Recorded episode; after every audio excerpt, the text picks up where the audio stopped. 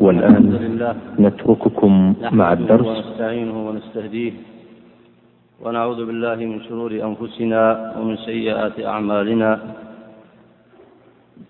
من يهده الله فلا مضل له ومن يضلل فلا هادي له.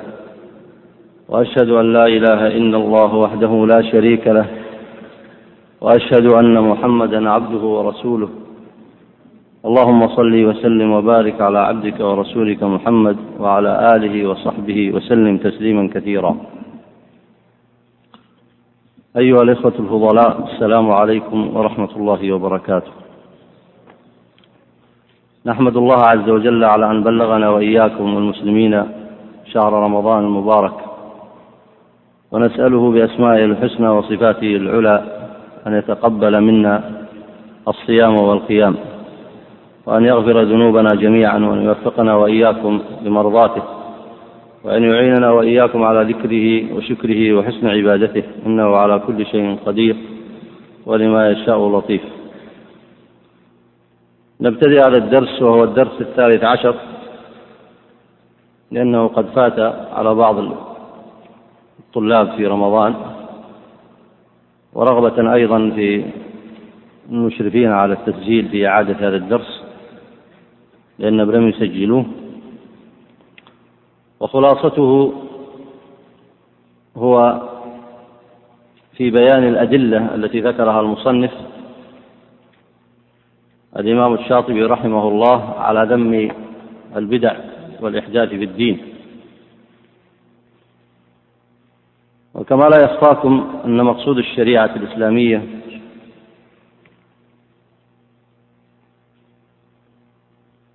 من أعظم مقاصدها حفظ الدين.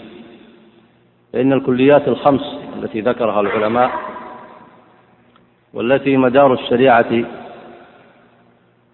أو التي جاءت نصوص الشريعة الإسلامية لحفظها المقصد الأول هو حفظ الدين. والمقصد الثاني هو حفظ النفس. والمقصد الثالث هو حفظ العرض. والمقصد الرابع هو حفظ العقل والمقصد الخامس هو حفظ المال.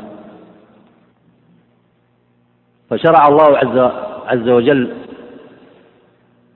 شرائعه وأرسل بها رسله عليهم الصلاة والسلام ومنهم نبينا محمد صلى الله عليه وسلم لحفظ هذه المقاصد الخمسة. التي لا يقوم بها مجتمع على التمام والكمال والاستقامة ولا يقوم مجتمع على عبادة الله عز وجل إلا عن طريق المحافظة عليها. لا تتحقق المصالح الدنيوية إلا بها ولا تتحقق المصالح الأخروية إلا بحفظ هذه المقاصد. وأولها وأعظمها هو حفظ الدين. وما ورد من ذم البدع والمحدثات من النصوص القرآنية وسيأتي عرضا مطولا للمصنف رحمه الله يعرض فيه الأحاديث التي وردت في ذم البدع والمحدثات. كل ذلك حفظا للمقصد الأول الذي هو مقصد حفظ الدين. فإن هذا المقصد هو الذي يحفظ العقيدة ويحفظ الشريعة. فإن الله عز وجل أنزل الإسلام وأمر به العباد أن يستقيموا عليه ويعملوا به وذلك لحفظ عقيدتهم وحفظ أحكام دينهم.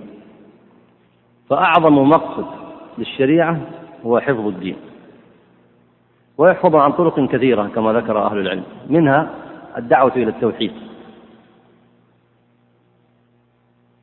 ومنها التحذير من الشرك والأديان الباطلة الأديان المبدلة المنسوخة التي عليها طوائف أهل الملل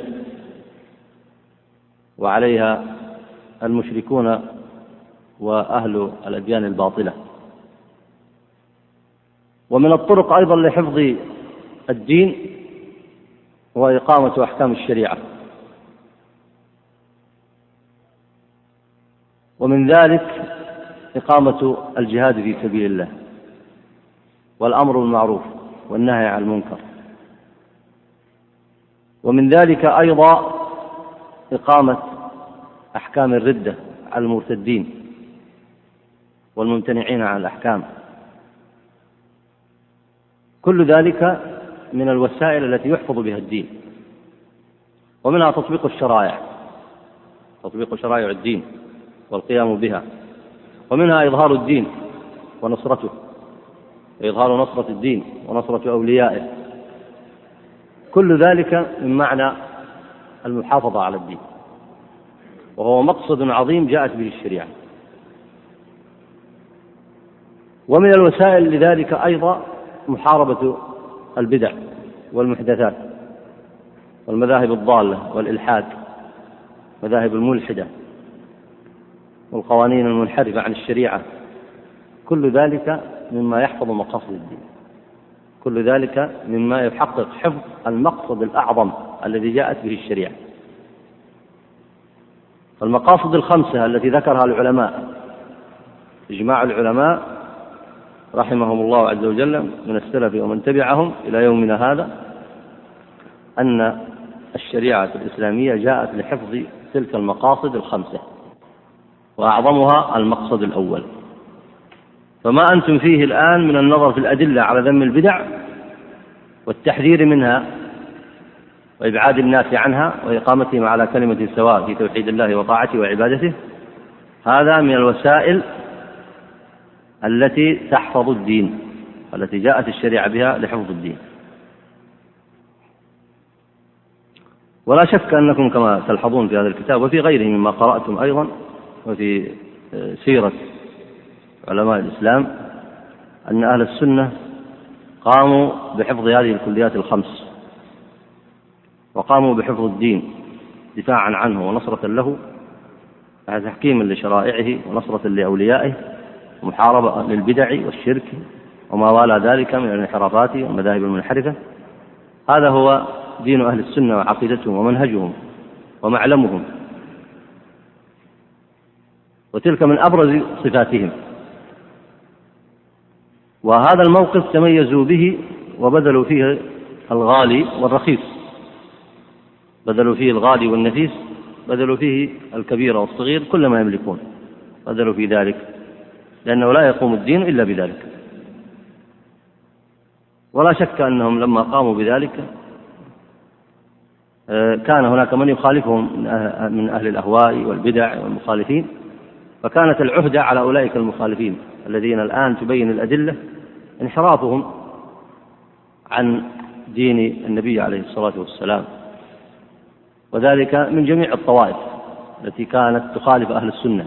والمصنف هنا أشار إلى طوائف كثيرة منها سواء من أهل الأديان الباطلة كاليهود والنصارى والمشركين والملاحدة أو الفرق الضالة التي نشأت في داخل الأمة.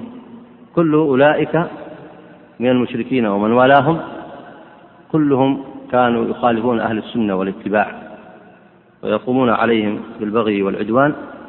وكان منهج أهل السنة هو إقامة الدين والمحافظة على المقاصد الخمسة المذكورة. وما ذكره المصنف هنا من الأدلة على ذم البدع هو من الوسائل التي يحفظ بها الدين ويعرف بها الحق. اقرأ بارك الله فيك. الله الرحمن الرحيم. قال المؤمن رحمه الله تعالى ومن الآيات قول الله تعالى وعلى الله قصد السبيل ومنك الآية ولو شاء لهداكم أجمعين السبيل القصد هو طريق الحق وكان الله جاهل عن الحق أي عابد له وهي صفوف البدع والعذاب فعاد الله من سلوكها بفضله وكفى بالجاهل أن محذر منه فالمساق يدل على التحذير والنهي هذه الآية وردت بعد قول الله تعالى فيما ذكره المصنف قول الله تعالى وأن هذا صراط مستقيما فاتبعوه ولا تتبعوا السبل فتفرق بكم عن سبيل. هذه الآية في نفس المعنى وهي بيان أن السبيل الحق الذي شرعه الله لرسوله صلى الله عليه وسلم ودعا الرسول صلى الله عليه وسلم الخلق جميعا له هو السبيل القام قصد السبيل الواضح البين. قال هنا فالسبيل القصد هو طريق الحق. وهذه الآية جاءت بعد قول الله تعالى والخيل والبغال والحمير لتركبوها وزينة ويخلق ما لا تعلمون قال أهل التفسير نبه هنا على الطرق الحسية التي يستعملها الناس في مصالحهم ثم نبه على الطرق المعنوية في قوله تعالى وعلى الله قصد السبيل ومنها جائر أي السبل أنواع. السبيل الواضحة سبيل الحق والسبل الأخرى جائرة. وذكر منها هنا ما أشار إليه من قوله هي طرق البدع والضلالات وقال وكفى بالجائر أن يحذر منه. والطريق المعنوي هو الإسلام. وقوله هنا وعلى الله قصد السبيل وعلى الله بيانه. بينه الله عز وجل. والطريق الجائر هو الحائد عنه أي عن الإسلام. وتدخل فيه جميع الطرق المختلفة. وتأملوا كلام المفسرين هنا وقارنوه بما ذكره المصنف المصنف هنا عمم في بيان السبل المنحرفة الجائرة فقال هي طرق البدع والضلالات. لتدخل فيها كل طريقة محدثة. لتدخل فيها كل طريقة محدثة خارجة عن الإسلام. خارجة عن عقائد الإسلام. خارجة عن شرائع الدين. كل طريقة محدثة. سواء صنعت في داخل أهل الإسلام أو صنعت في خارج أهل الإسلام. كل هذه الطرق المحدثة من الأديان الباطلة أديان اليهود والنصارى والتبديل والمشركين أو البدع والضلالات التي في داخل هذه الأمة كلها هي الطرق الجائرة التي تخالف عن الإسلام الذي شرعه الله ولنبيه محمد صلى الله عليه وسلم وأمره أن يدعو إليه. وجعل الله عز وجل طريق الحق والطرق الباطلة جعل الله عز وجل بينها الصراع لحكمة يعلمها سبحانه وتعالى. جعل الله الصراع بين الحق والباطل لحكمة يعلمها سبحانه وتعالى. ألف لام ميم أحسب الناس أن يتركوا أن يقولوا آمنا وهم لا يفتنون. وجعل الله هذه السنة وهي المداولة بين الناس والمدافعة بين الناس بين أهل الحق والباطل سنة ماضية إلى يوم القيامة. ولذلك ربط بذلك أحكاما كثيرة. منها بقاء الطائفة القائمة بالحق إلى يوم القيامة. هذا من اعتقاد أهل السنة والجماعة كما هو معلوم. ومنها بقاء فريضة الجهاد إلى يوم القيامة حتى وإن عطلت بأسباب معينة فإنها ستبقى إلى يوم القيامة كما قال النبي عليه الصلاة والسلام. الجهاد ماض إلى يوم القيامة. فربطت بهذه الطائفة أحكام كثيرة من إظهار الدين الدعوة إلى الله. فالإسلام الذي بينه النبي عليه الصلاة والسلام وأمر الناس باتباعه هو الطريق الذي قال الله عز وجل وعلى الله قصد السبيل ثم قال ومنها جائر وفي رواية ابن مسعود كما سيأتي عند المصنف ومنكم جائر لأن الكلام ليس في الطرق وحدها. الكلام ليس في الطرق الآن بما بأي شيء تعرف طريق أهل السنة؟ بأهلها.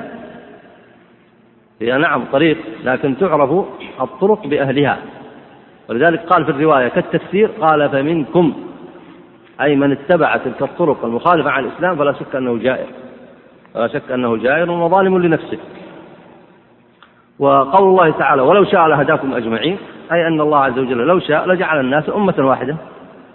ولكن لحكمة يعلمها الله عز وجل ليعلم من ينصره من ينصره ورسله بالغيب جعل الناس منهم مؤمن ومنهم كافر. اقرأ بارك الله فيك. ذكر ابن وضاح قال سئل عاصم بن بهدلة وقيل له يا أبا بكر أرأيت قول الله تعالى وعلى الله قصد السبيل ومنها جائر ولو شاء لهداكم أجمعين؟ قال حدثنا أبو وائل عن عبد الله بن مسعود قال خط عبد الله بن مسعود خطا مستقيما وخط خطوطا عن يمينه وخطوطا عن شماله فقال خط رسول الله صلى الله عليه وسلم هكذا فقال للخط المستقيم هذا سبيل الله وللخطوط التي عن يمينه وشماله هذه سبل متفرقة. على كل سبيل منها شيطان يدعو إليه والسبيل مشتركة. قال الله تعالى وأن هذا صراطي مستقيما فاتبعوه إلى آخرها. هذا ربط بين هذا المعنى في الآية والآية التي قبلها. وما ذكره ابن وضاح هنا رواه في كتابه البدع والنهي عنها. ولاحظ هنا أن المصنف أن الشاطبي ربط بين هذه الآية والتي قبلها كما سيأتي قوله ولعله استنبط هذا من كلام ابن وضاح فإن ابن مسعود ذكر هذه الخطوط ثم ذكر هذه الآية. ولاحظوا هنا قوله قوله هنا وعلى كل سبيل منها شيطان يدعو إليه أما سبيل الحق فعليها النبي عليه الصلاة والسلام يدعو إلى ذلك. اختاره الله عز وجل من خيار العرب وزكاه وعلمه وأدبه وعلمه الحق من عنده فهو يبلغ ما جاء من عند الله. ثم تبعه على ذلك أصحابه وتبعه على ذلك الصحابة رضوان الله عليهم وأهل السنة. فدينهم الذي يدينون به هو ما كان من عند الله. وأما شياطين الإنس الذين على كل سبيل فدينهم الذي يدينون وشرائعهم التي يشرعون هي التي يحدثون. ولاحظوا الآن فرق بين السنة والبدع. فالسنة هي ما أخذت من طريق النبي عليه الصلاة والسلام. وما كانت من طريق النبي صلى الله عليه وسلم فهي من طريق من طريق الله.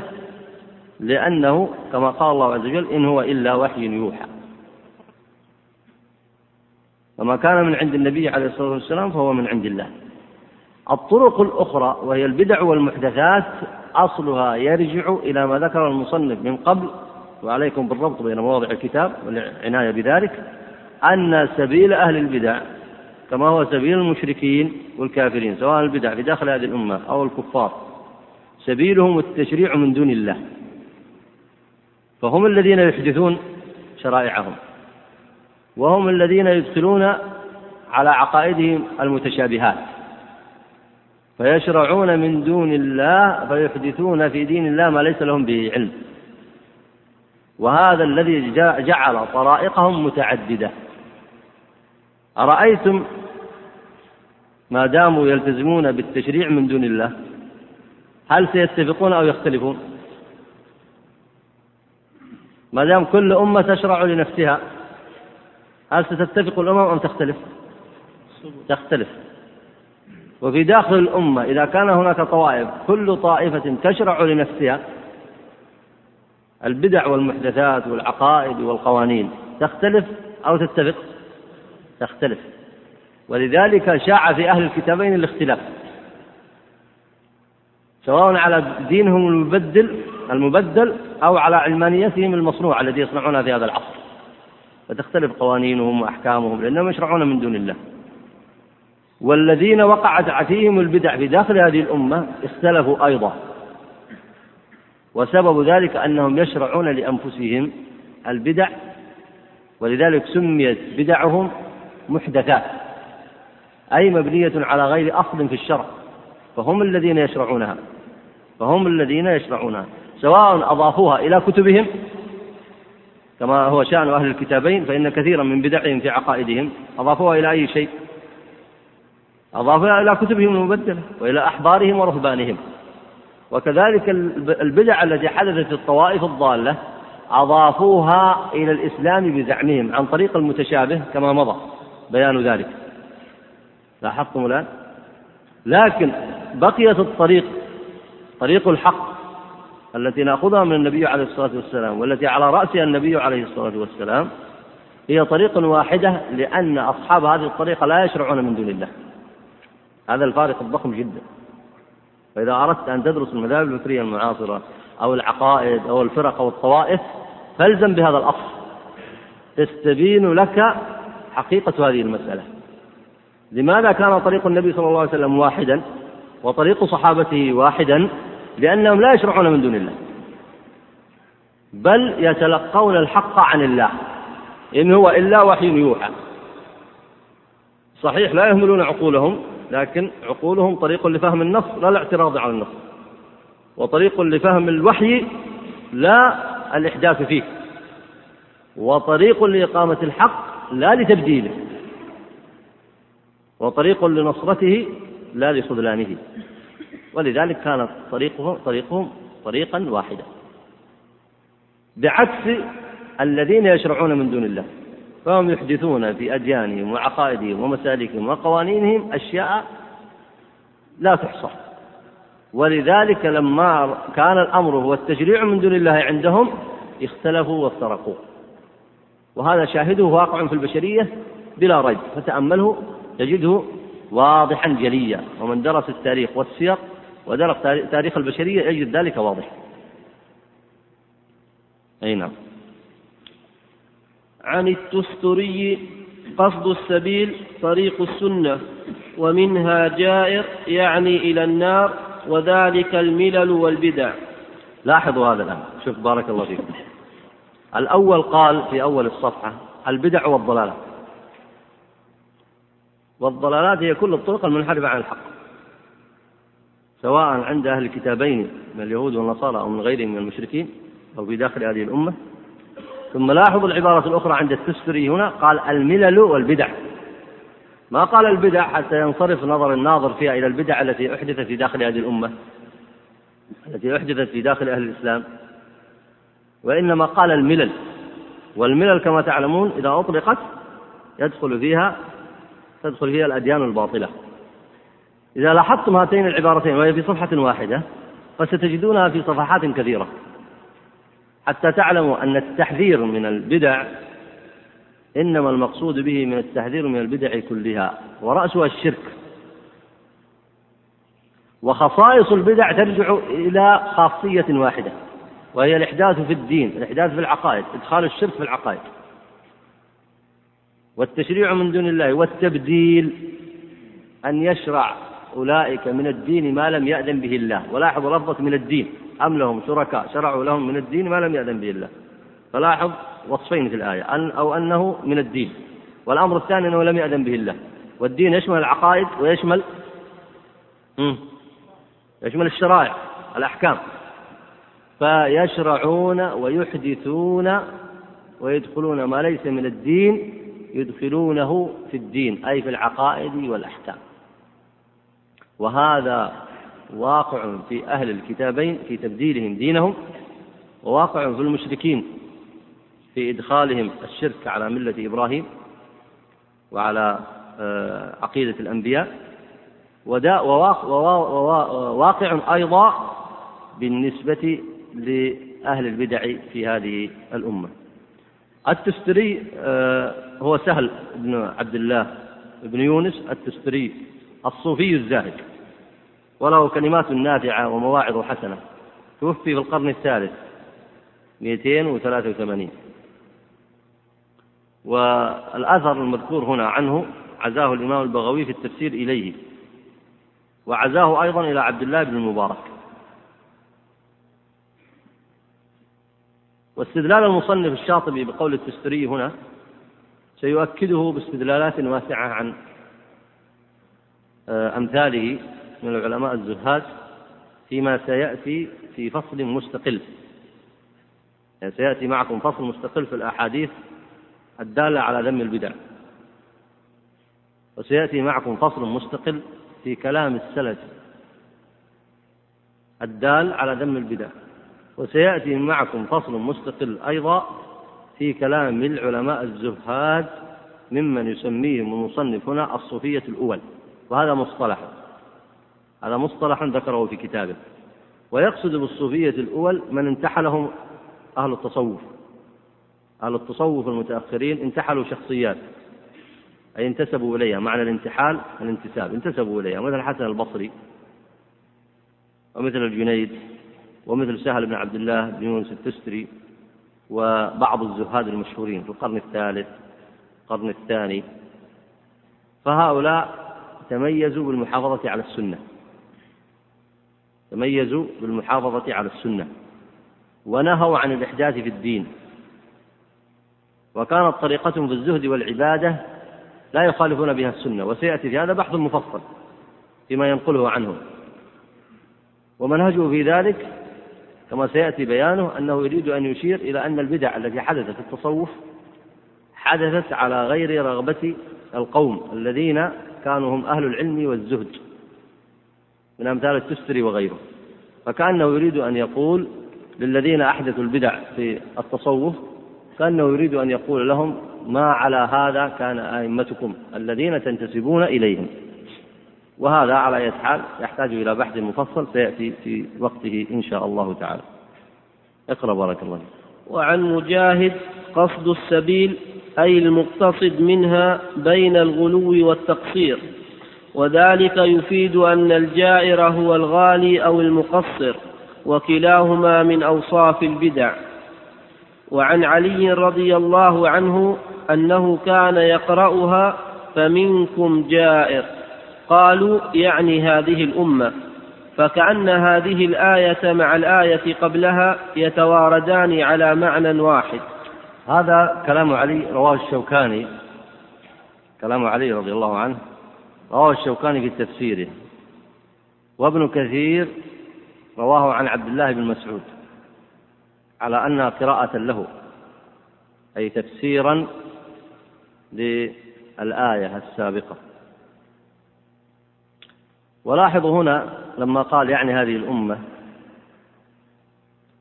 يشبه قول من قال من السلف عندما يأتي كثير من الناس فينزلون بعض الآيات فيقول هذه في النصارى هذه في اليهود هذه في المشركين. فقال بعض السلف ألكم كل حلوة ولكم ولهم كل مرة؟ كأنه يريد أن يقول إذا أنتم شابهتم المشركين في بعض أفعالهم فأنتم لكم نصيب من الذنب فإذا كانت البدع وتبديل أديان أهل الكتابين مذموم تبديل أهل الكتابين لكتبهم مذموم وإدخالهم الشرك على عقائدهم مذموم وتشريعهم من دون الله مذموم فكذلك أنتم إذا فعلتموه فهو مذموم أيضا. وكل ما يقع في هذه الأمة كل ما يقع في هذه الأمة من الانحرافات هو أيضا يذم يذم كما تذم تلك الانحرافات عند أهل الكتابين. وكل مرحلة من الذم وكل آه، مخالفة تذم بحسب مرتبتها. كل مخالفة تذم بحسب مرتبتها. فإن وقع في هذه الأمة مشابهة لأمر هو فسق عند أهل الكتابين من أمور الفسق كالمشابهة مثلا في في عاداتهم وزمرهم وطبلهم وما يقع في تبرج نسائهم وغيره. لا شك أن ذلك من الفسق فهو مذموم عندهم ومذموم في من شابههم أيضا وإن كان من هذه الأمة. وإذا وقع عندهم التشريع من دون الله وتبديل شرائعهم وترك الشريعة الإسلامية ووضع القوانين الوضعية لأنفسهم فهو أيضا مذموم وإنما جاء النبي عليه الصلاة والسلام بدعوته ليبين للناس الحق وهو اتباع الكتاب والسنة. فإذا وقع في من ينتسب إلى الإسلام فكذلك هذا الأمر مذموم وهو التشريع من دون الله. ولذلك أشار هنا قال فمنكم جائر قال يعني هذه الأمة. حتى لا يظن كل من قرأ القرآن أن الآيات التي تنهى عن الكفر والشرك إنما هي مخصوصة بالكفار والمشركين أو بأهل الكتاب. أما الذي ينتسب إلى الإسلام فهذه لا تخصه. فيشير العلماء أن من ينتسب إلى الإسلام إذا وقع في مثل هذه المكفرات أو في مثل أسباب الشرك أو وقع في البدع فإنه كذلك مذموم ويذم بنفس المرتبة التي يذم بها أولئك لأن العبرة بنفس السبب الذي ارتكبه. إذا كان السبب من أسباب الشرك والكفر من البدع المكفرة من أسباب الشرك وغير ذلك فهو يذم أيضا كما يذم غيره ولا يعفيه أنه ينتسب إلى هذه الأمة. وفهم القرآن على هذا الأساس هو الذي آه، يفتح المجال لفهم الإسلام فهما صحيحا.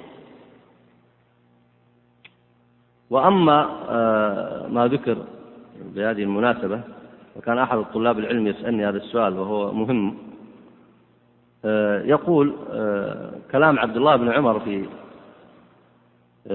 صحيح البخاري أنه قال لأن المصنف هنا قال وذلك يفيد أن الجائر هو الغالي أو المقصر. الغالي هم الخوارج الذين يكفرون بالذنب. الرجل يأتي معصية يزني أو يسرق بدون استحلال فيكفرونه هذا ظلم. والمقصر هم المرجئة الذين يرون الناس على الشرك فلا يعتبرون ذلك شركا. فسأل هذا السؤال المهم وهو أن عبد الله بن عمر قال في صحيح البخاري كما ذكر البخاري عنه قال في ذم الخوارج أنهم جاءوا إلى آيات نزلت في الكافرين فجعلوها على المسلمين فلا شك أن هذا وصف مذموم لأنه تنزيل للآيات في غير أماكنها لكن الخوارج نزلوها على من؟ جاءوا في الآيات التي في الكفر والشرك تحذيرا من الكفر والشرك ونزلوها على من؟ نزلوها على كافرين ومشركين ولا نزلوها على من؟ نزلوها على موحدين قائمين بأحكام الإسلام مصلين مبتعدين عن الكفر والشرك. ولا شك أن هذا ظلم. فتنزيلها على أهل الإسلام ظلم. تنزيلها على المسلم إذا كان مباعدا عن الكفر والشرك لكنه زنى أو سرق أو أتى بمعصية تنزيل الآيات التي في الكفار والمشركين عليهم ظلم. لكن إذا نزلت الآيات التي تنهى عن الكفر والشرك كما هو في هذا الموضع تنهى تنهى عن البدع. إذا نزلت على من ينتسب على إلى الإسلام ووقع في الكفر والشرك أو وقع في البدع. فتنزيله حينئذ هو عدل وهو مقتضى التفسير عند السلف. لاحظتم الآن؟ فالسؤال أعجبني لأنه سؤال آه، طالب علم. سؤال فيه فقه فيه يدل على فقه صاحبه. فما صنع ما قاله عبد الله بن عمر إنما هو إنكار على الخوارج لأنهم جاءوا للآيات التي تنهى عن الكفر والشرك وتحذر منها وتجعل من جاء من وقع في ذلك الكفر والشرك مشركا وكافرا جاءوا ونزلوها على مسلمين ليسوا مرتكبين لا بشرك لا يرتكبون شرك ولا يرتكبون كفر وإن وقعوا في معصية كالزنا والسرقة.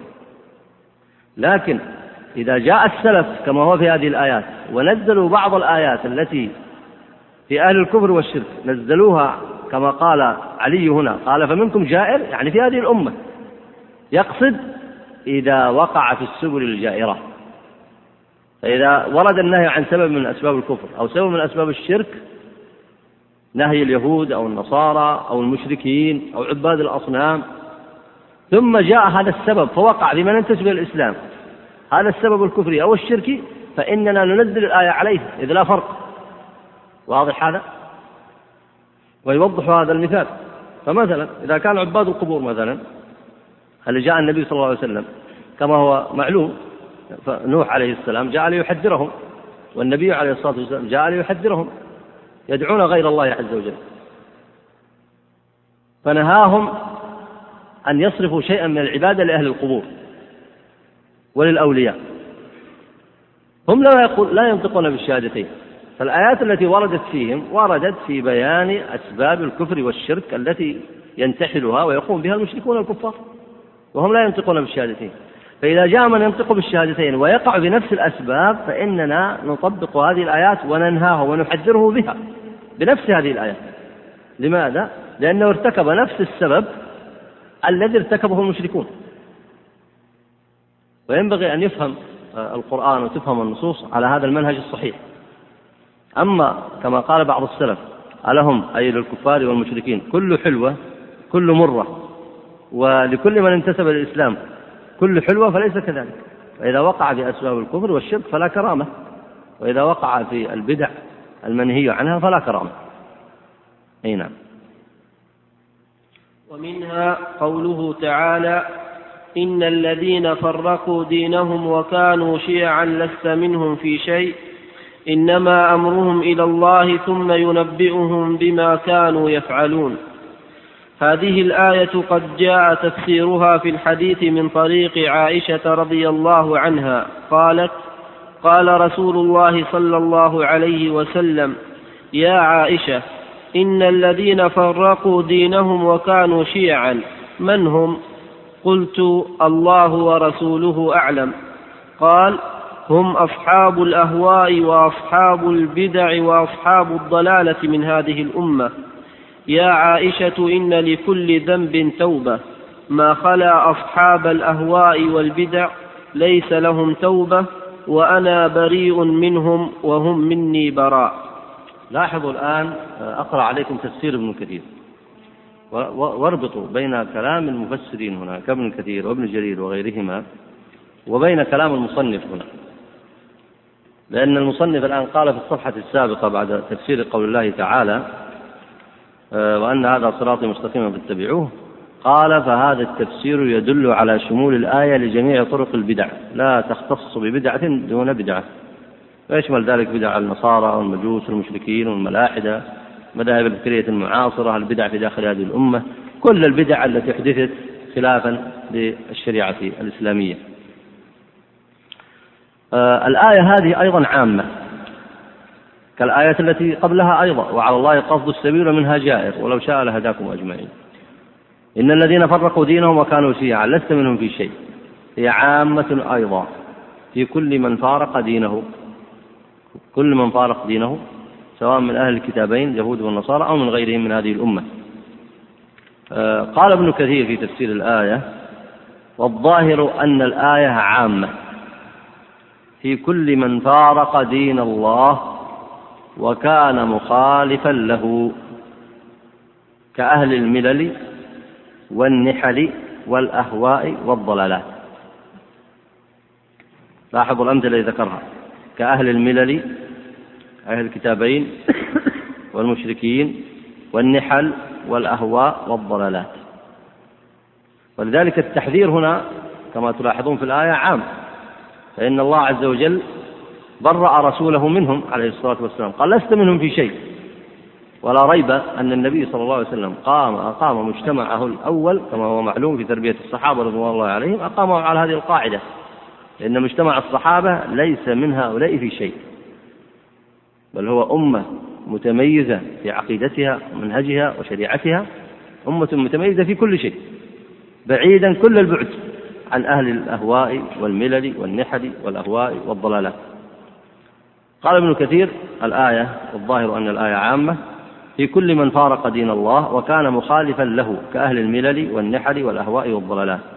فإن الله قد برأ رسوله منهم وأمره باتباع الصراط المستقيم وهو ما جاءت به الرسل من عبادة الله وحده بلا شريك والتمسك بشريعة الرسول المتأخر الذي هو النبي محمد صلى الله عليه وسلم. وما خالف ذلك فضلال وجهالات وأهواء والرسل براء منها.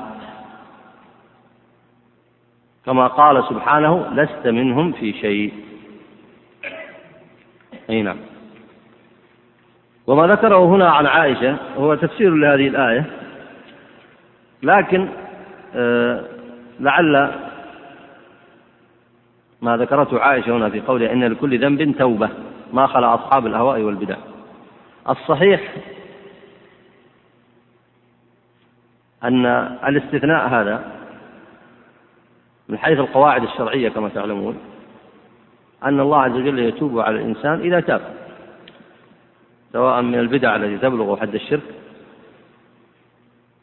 فإذا تاب الإنسان من اتباعه مثلا المجوسية أو اتباعه النصرانية أو اتباعه أي دين من أديان المشركين أو حتى الفرق الضالة في داخل هذه الأمة إذا تاب تاب الله عليه. وسيأتي لهذا المعنى تفصيل سيأتي له تفصيل عند المصنف. لكن الأثر المذكور عن عائشة هنا سنده كما ذكره ابن كثير عن شعبة عن مجالد عن الشعبي عن شريح عن عمر. ومجالد ليس بالقوي. ولذلك قال ابن كثير لا يصح رفعه. لا يصح رفعه. وسيأتي بحث عند المصنف رحمه الله بعنوان توبة المبتدع. هل للمبتدع توبة أم لا؟ أي نعم. اقرأ بارك الله قال ابن عطية هذه الآية تعم أهل الأهواء والبدع والشذوذ في الفروع وغير ذلك. من أهل التعمق في الجدال والخوض في الكلام هذه كلها عرضة للزلل ومظنة لسوء المعتقد. ويريد والله أعلم. نعم بارك الله فيك. آه، ابن عطية وعبد الحق غالب ابن عطية الغرناطي إمام في الفقه والتفسير والعربية. توفي في القرن السادس سنة خمس واثنين وأربعين. ولاحظ هنا أنه أشار إلى الجدل والخوض في الكلام. الخوض في العقائد المخالفة عقيدة الإسلام والخوض في معارضة السنة بالأهواء. كل ذلك لا شك أنه من المنهي عنه. وتفسير ابن عطية لهذه الآية لا شك أنه جعلها عامة. قال هنا تعم أهل الأهواء والبدع. ثم أدخل بأهل الأهواء والبدع الشذوذ أصحاب الشذوذات في الفروع. والمقصود بأصحاب الشذوذات هنا المخالفين للإجماع. وهنا أصحاب الشذوذات وإن كانوا في الحقيقة لا يدخلون في أهل الأهواء والبدع بحيث أنهم آه، لم ينتصبوا إلى عقائد مخالفة لعقيدة السنة. لكن الشذوذ في الفروع مظنة لا شك. مظنة لوقوع الجدول الجدال والخصومات في الدين. والأولى أن يتبع الإنسان يلازم الإجماع. ومخالفة الإجماع لا شك أنه أمر منكر. مخالفة إجماع السلف إجماع الفقهاء إجماع المفسرين المحدثين آه، إجماع الصحابة. طبعا الإجماع آه، يثبت عن الصحابة رضوان الله عليهم كما هو معلوم عند المحققين. فمخالفة تلك الإجماعات لا شك أنها آه، من الشذوذ. فأدخل الشذوذ في الفروع هنا ليشير إليه إلى بعض المذاهب الغريبة التي تتبع الشذوذ وتخالف الإجماع الإجماع المسائل المجمع عليها في الفقه الإسلامي. ولا شك أن ذلك مظنة للدخول في الجدال والخصومات. وإذا سأل سائل منكم كيف يقع الجدال والخصومات في هذا؟ إذا جاء لمسألة مثلا أجمع عليها الصحابة وأجمع عليها مثلا آه، أئمة الفقه في الأمصار. الإجماع طبعا ليس مربوط بمكان معين يعني لا يقبل إجماع أهل المدينة إذا خالفوا أهل الكوفة ولا إجماع أهل مكة إذا خالفوا أهل المدينة وإنما المقصود إجماع العلماء إجماع العلماء في الأمصار. إذا أطلق الإجماع هذا هو المقصود بالإجماع. فخلاف المخالف في مسألة لهؤلاء العلماء في الأمصار من الصحابة والتابعين ومن تبعهم بإحسان لا شك أنه سيؤدي به إلى أن يجادل عن رأيه أليس كذلك؟ لأن الآن علماء الأمصار الصحابة تفرقوا في الأمصار وأجمعوا على هذا وأخذ منهم علماء الأمصار هذه المسألة وهذا معلوم في الفقه في مسائل مجمع عليها فإذا جاء وخالف في هذه المسألة المجمع عليها فإنه سيضطر أن يتخذ الجدال واتباع المتشابه وسيتخذ أساليب معينة كثيرة للخلاف الذي أحدثه ويحاول أن يستدل على مذهبه الفاسد. ومن هنا يقع في اتباع الجدال والخوض في الكلام. ثم قال وهو عرضة للزلل ومظنة لسوء المعتقد. وهذا لا ريب فيه أنه مظنة لذلك لأنه كفى بالمرء سوءا أن يخالف إجماع الصحابة. أن يخالف إجماع العلماء في الأمصار الذين تقدم نقل الإجماع في الكتب عنهم فلا شك لكن بشرط أن يثبت الإجماع. ليس كل إجماع مدعى. إذا قرأت الآن في الكتب فوجدت هذه المسألة مجمع عليها ليس بالضرورة أن يكون ذلك صحيح. في كتب في الإجماع مثلا إجماع ابن المنذر وكتب الإجماع مثلا لابن عبد البر أظن والله أعلم. وفي بعض الكتب في الإجماع لكن ليس كل ما قيل أنه مجمع عليه صحيح. هناك أمور مجمع عليها والخلاف فيها مشهور عند السلف الصالح فيها فليس كل ما ادعي فيه الإجماع قبل القول فيه. أي نعم. ويريد والله أعلم بأهل التعمق في الفروع ما ذكره أبو عمر بن عبد البر في فصل ذم الرأي من كتاب العلم له وسيأتي ذكره بحول الله. أبو أبو عمر هو يوسف بن عبد الله ابن محمد ابن عبد البر الأندلسي القرطبي وهو من أعلام السنة في بلاد المغرب. وهذه السنة حفظها الله عز وجل. علماء أهل السنة والاتباع حفظ الله بهم الدين. ومن علمائهم ومن أعلامهم آه، ابن عبد البر من أئمة أهل المغرب. آه، حافظ آه، متفنن صاحب سنة واتباع. توفي أيضا في القرن الخامس عام أربعمائة وثلاث وستين. أي نعم. وحكى ابن بطال في شرح البخاري عن أبي حنيفة أنه قال لقيت عطاء بن أبي رباح بمكة فسألته عن شيء فقال من أين أنت؟ قلت من أهل الكوفة. قال أنت من القرية الذين فرقوا دينهم وكانوا شيعا؟ قلت نعم. قال من أي الأصناف أنت؟ قلت ممن لا يسب السلف ويؤمن بالقدر ولا يكفر أحدا بذنب. فقال عطاء عرفت فالزم. بارك الله فيك.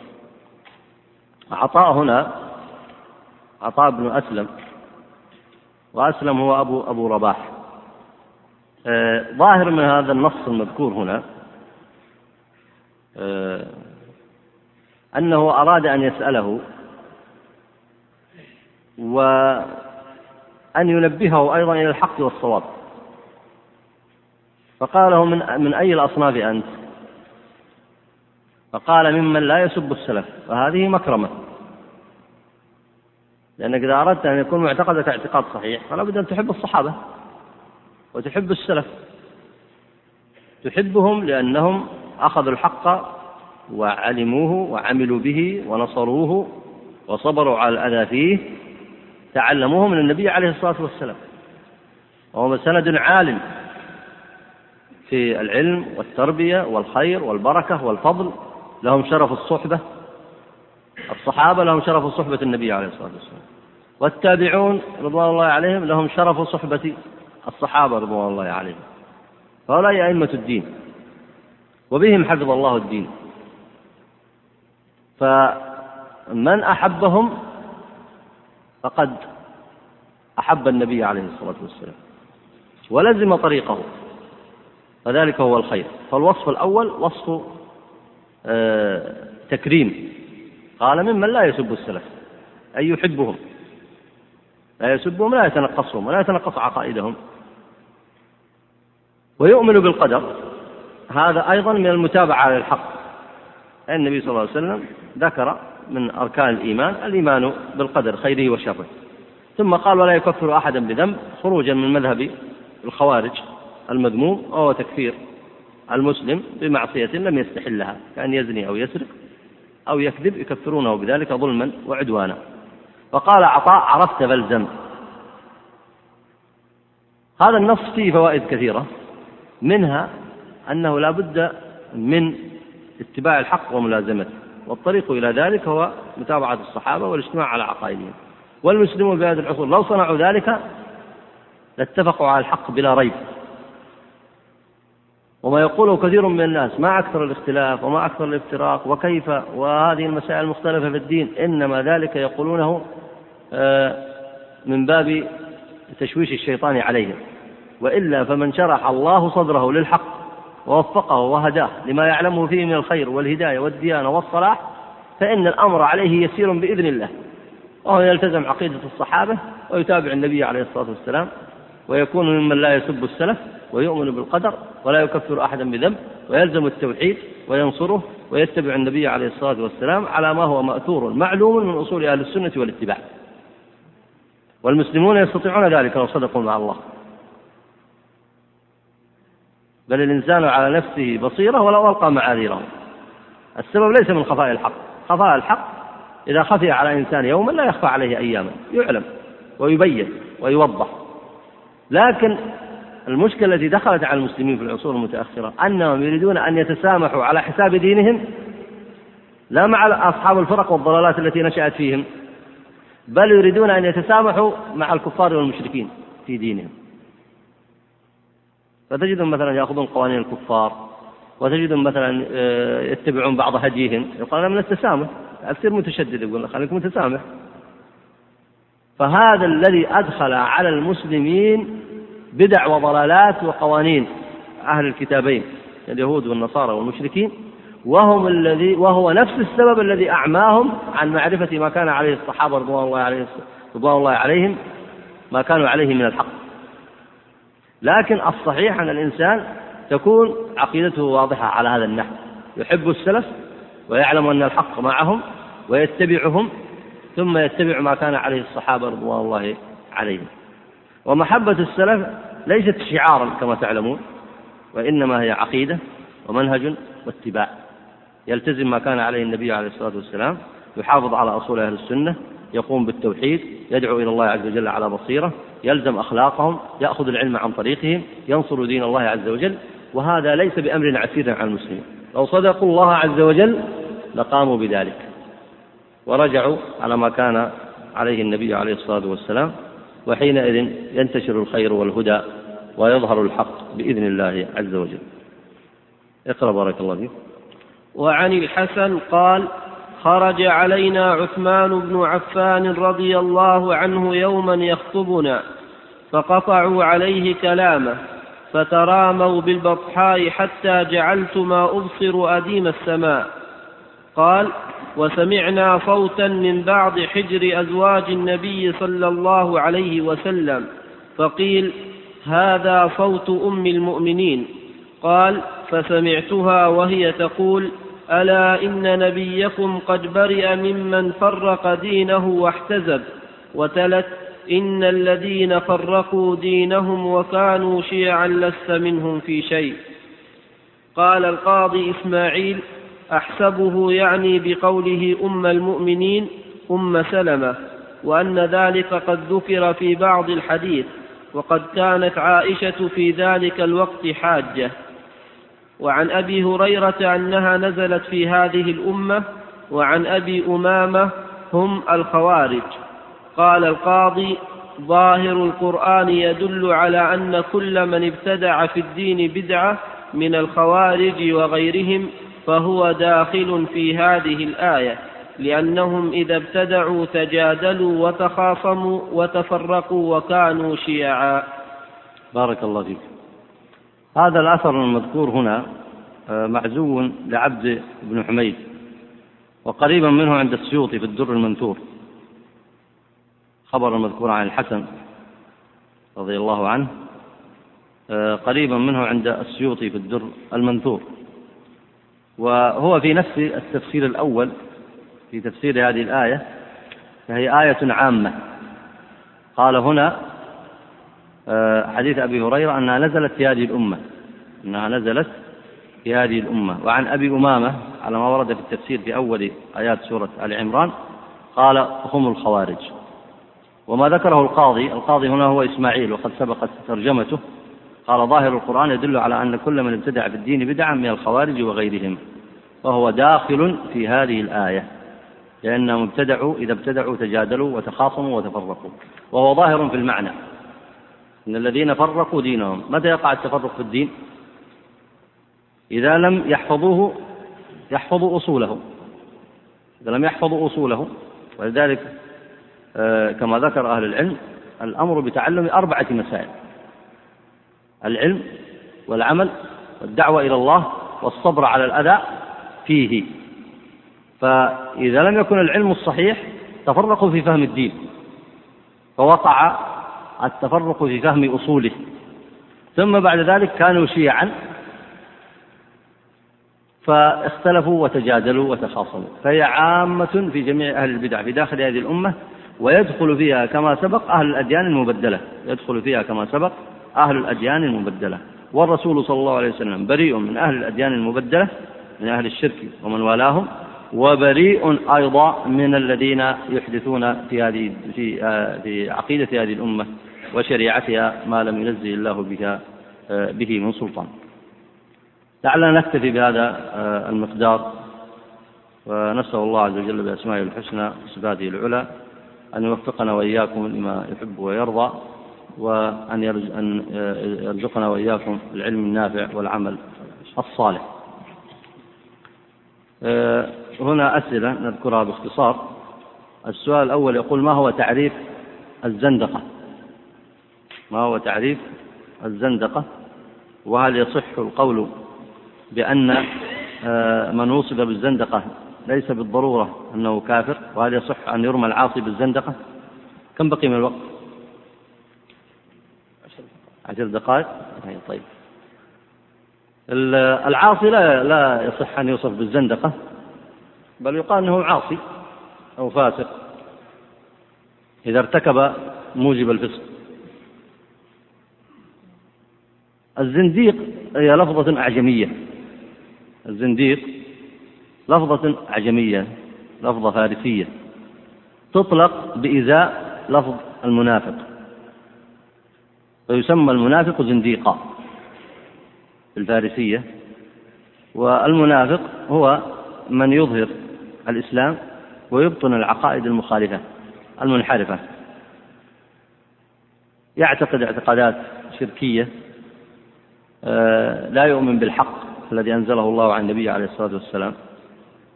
آه، يتبع البدع المكفرة. آه، يترك التحاكم إلى الشرع.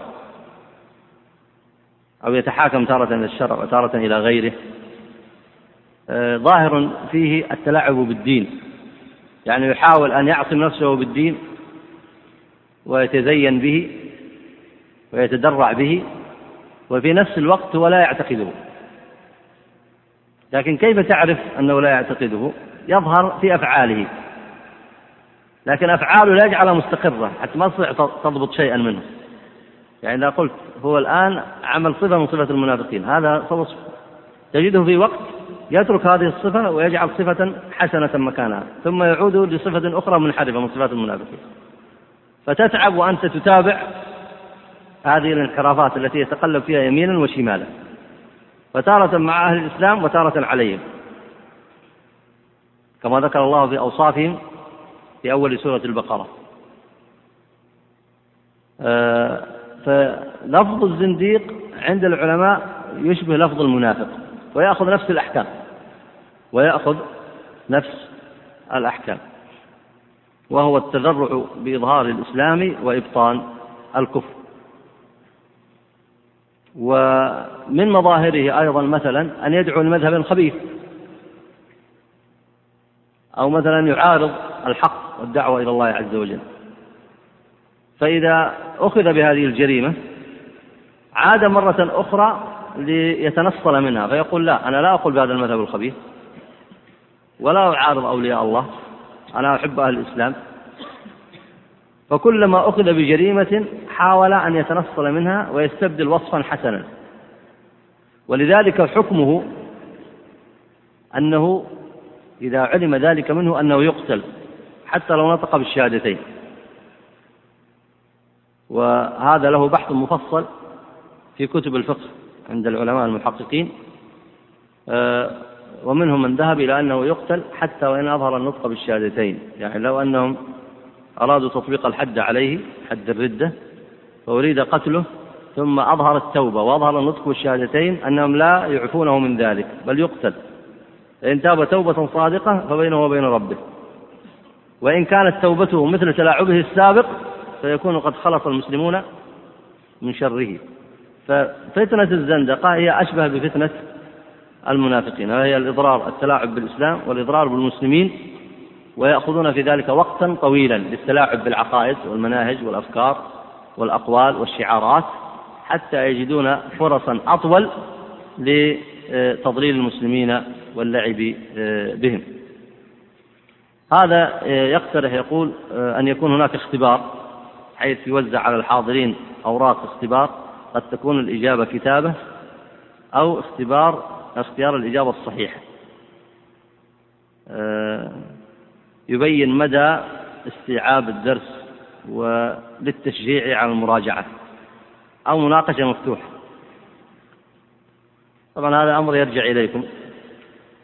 ما رأيكم في هذا الاقتراح؟ يعني هذا قد يعرض بعد ما ينتهى من الكتاب مثلا انتهى الباب الأول من الكتاب يعاد تدرس هذه آه، المسألة. يقول هنا ماذا آه، ترى في من يترك النكاح بحجة طلب العلم وعدم الانشغال عنه؟ ويحتج بأن هذا فعل بعض أهل العلم. فهل هذا من البدع أم لا؟ ترك النكاح بالكلية بغير سبب؟ مشروع لا شك أنه من البدع. يعني من يجد الباءة ويجد القدرة المالية ويجد الأسباب التي تعينه على ذلك وتيسر له ذلك ويستطيع أن يقوم بمؤونة النكاح ومقاصده فيتركه آه، مجرد الترك فإنه ابتداع لا شك.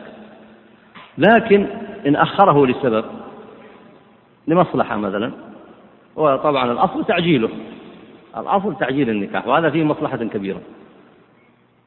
أما إذا كان بعض أهل العلم تأخر مثلا ما تزوج أو أنه مات ولم يتزوج فقد يكون له سبب أنت لا تدريه لا يمكن أن تقيس على فعله إلا إذا عرفت السبب.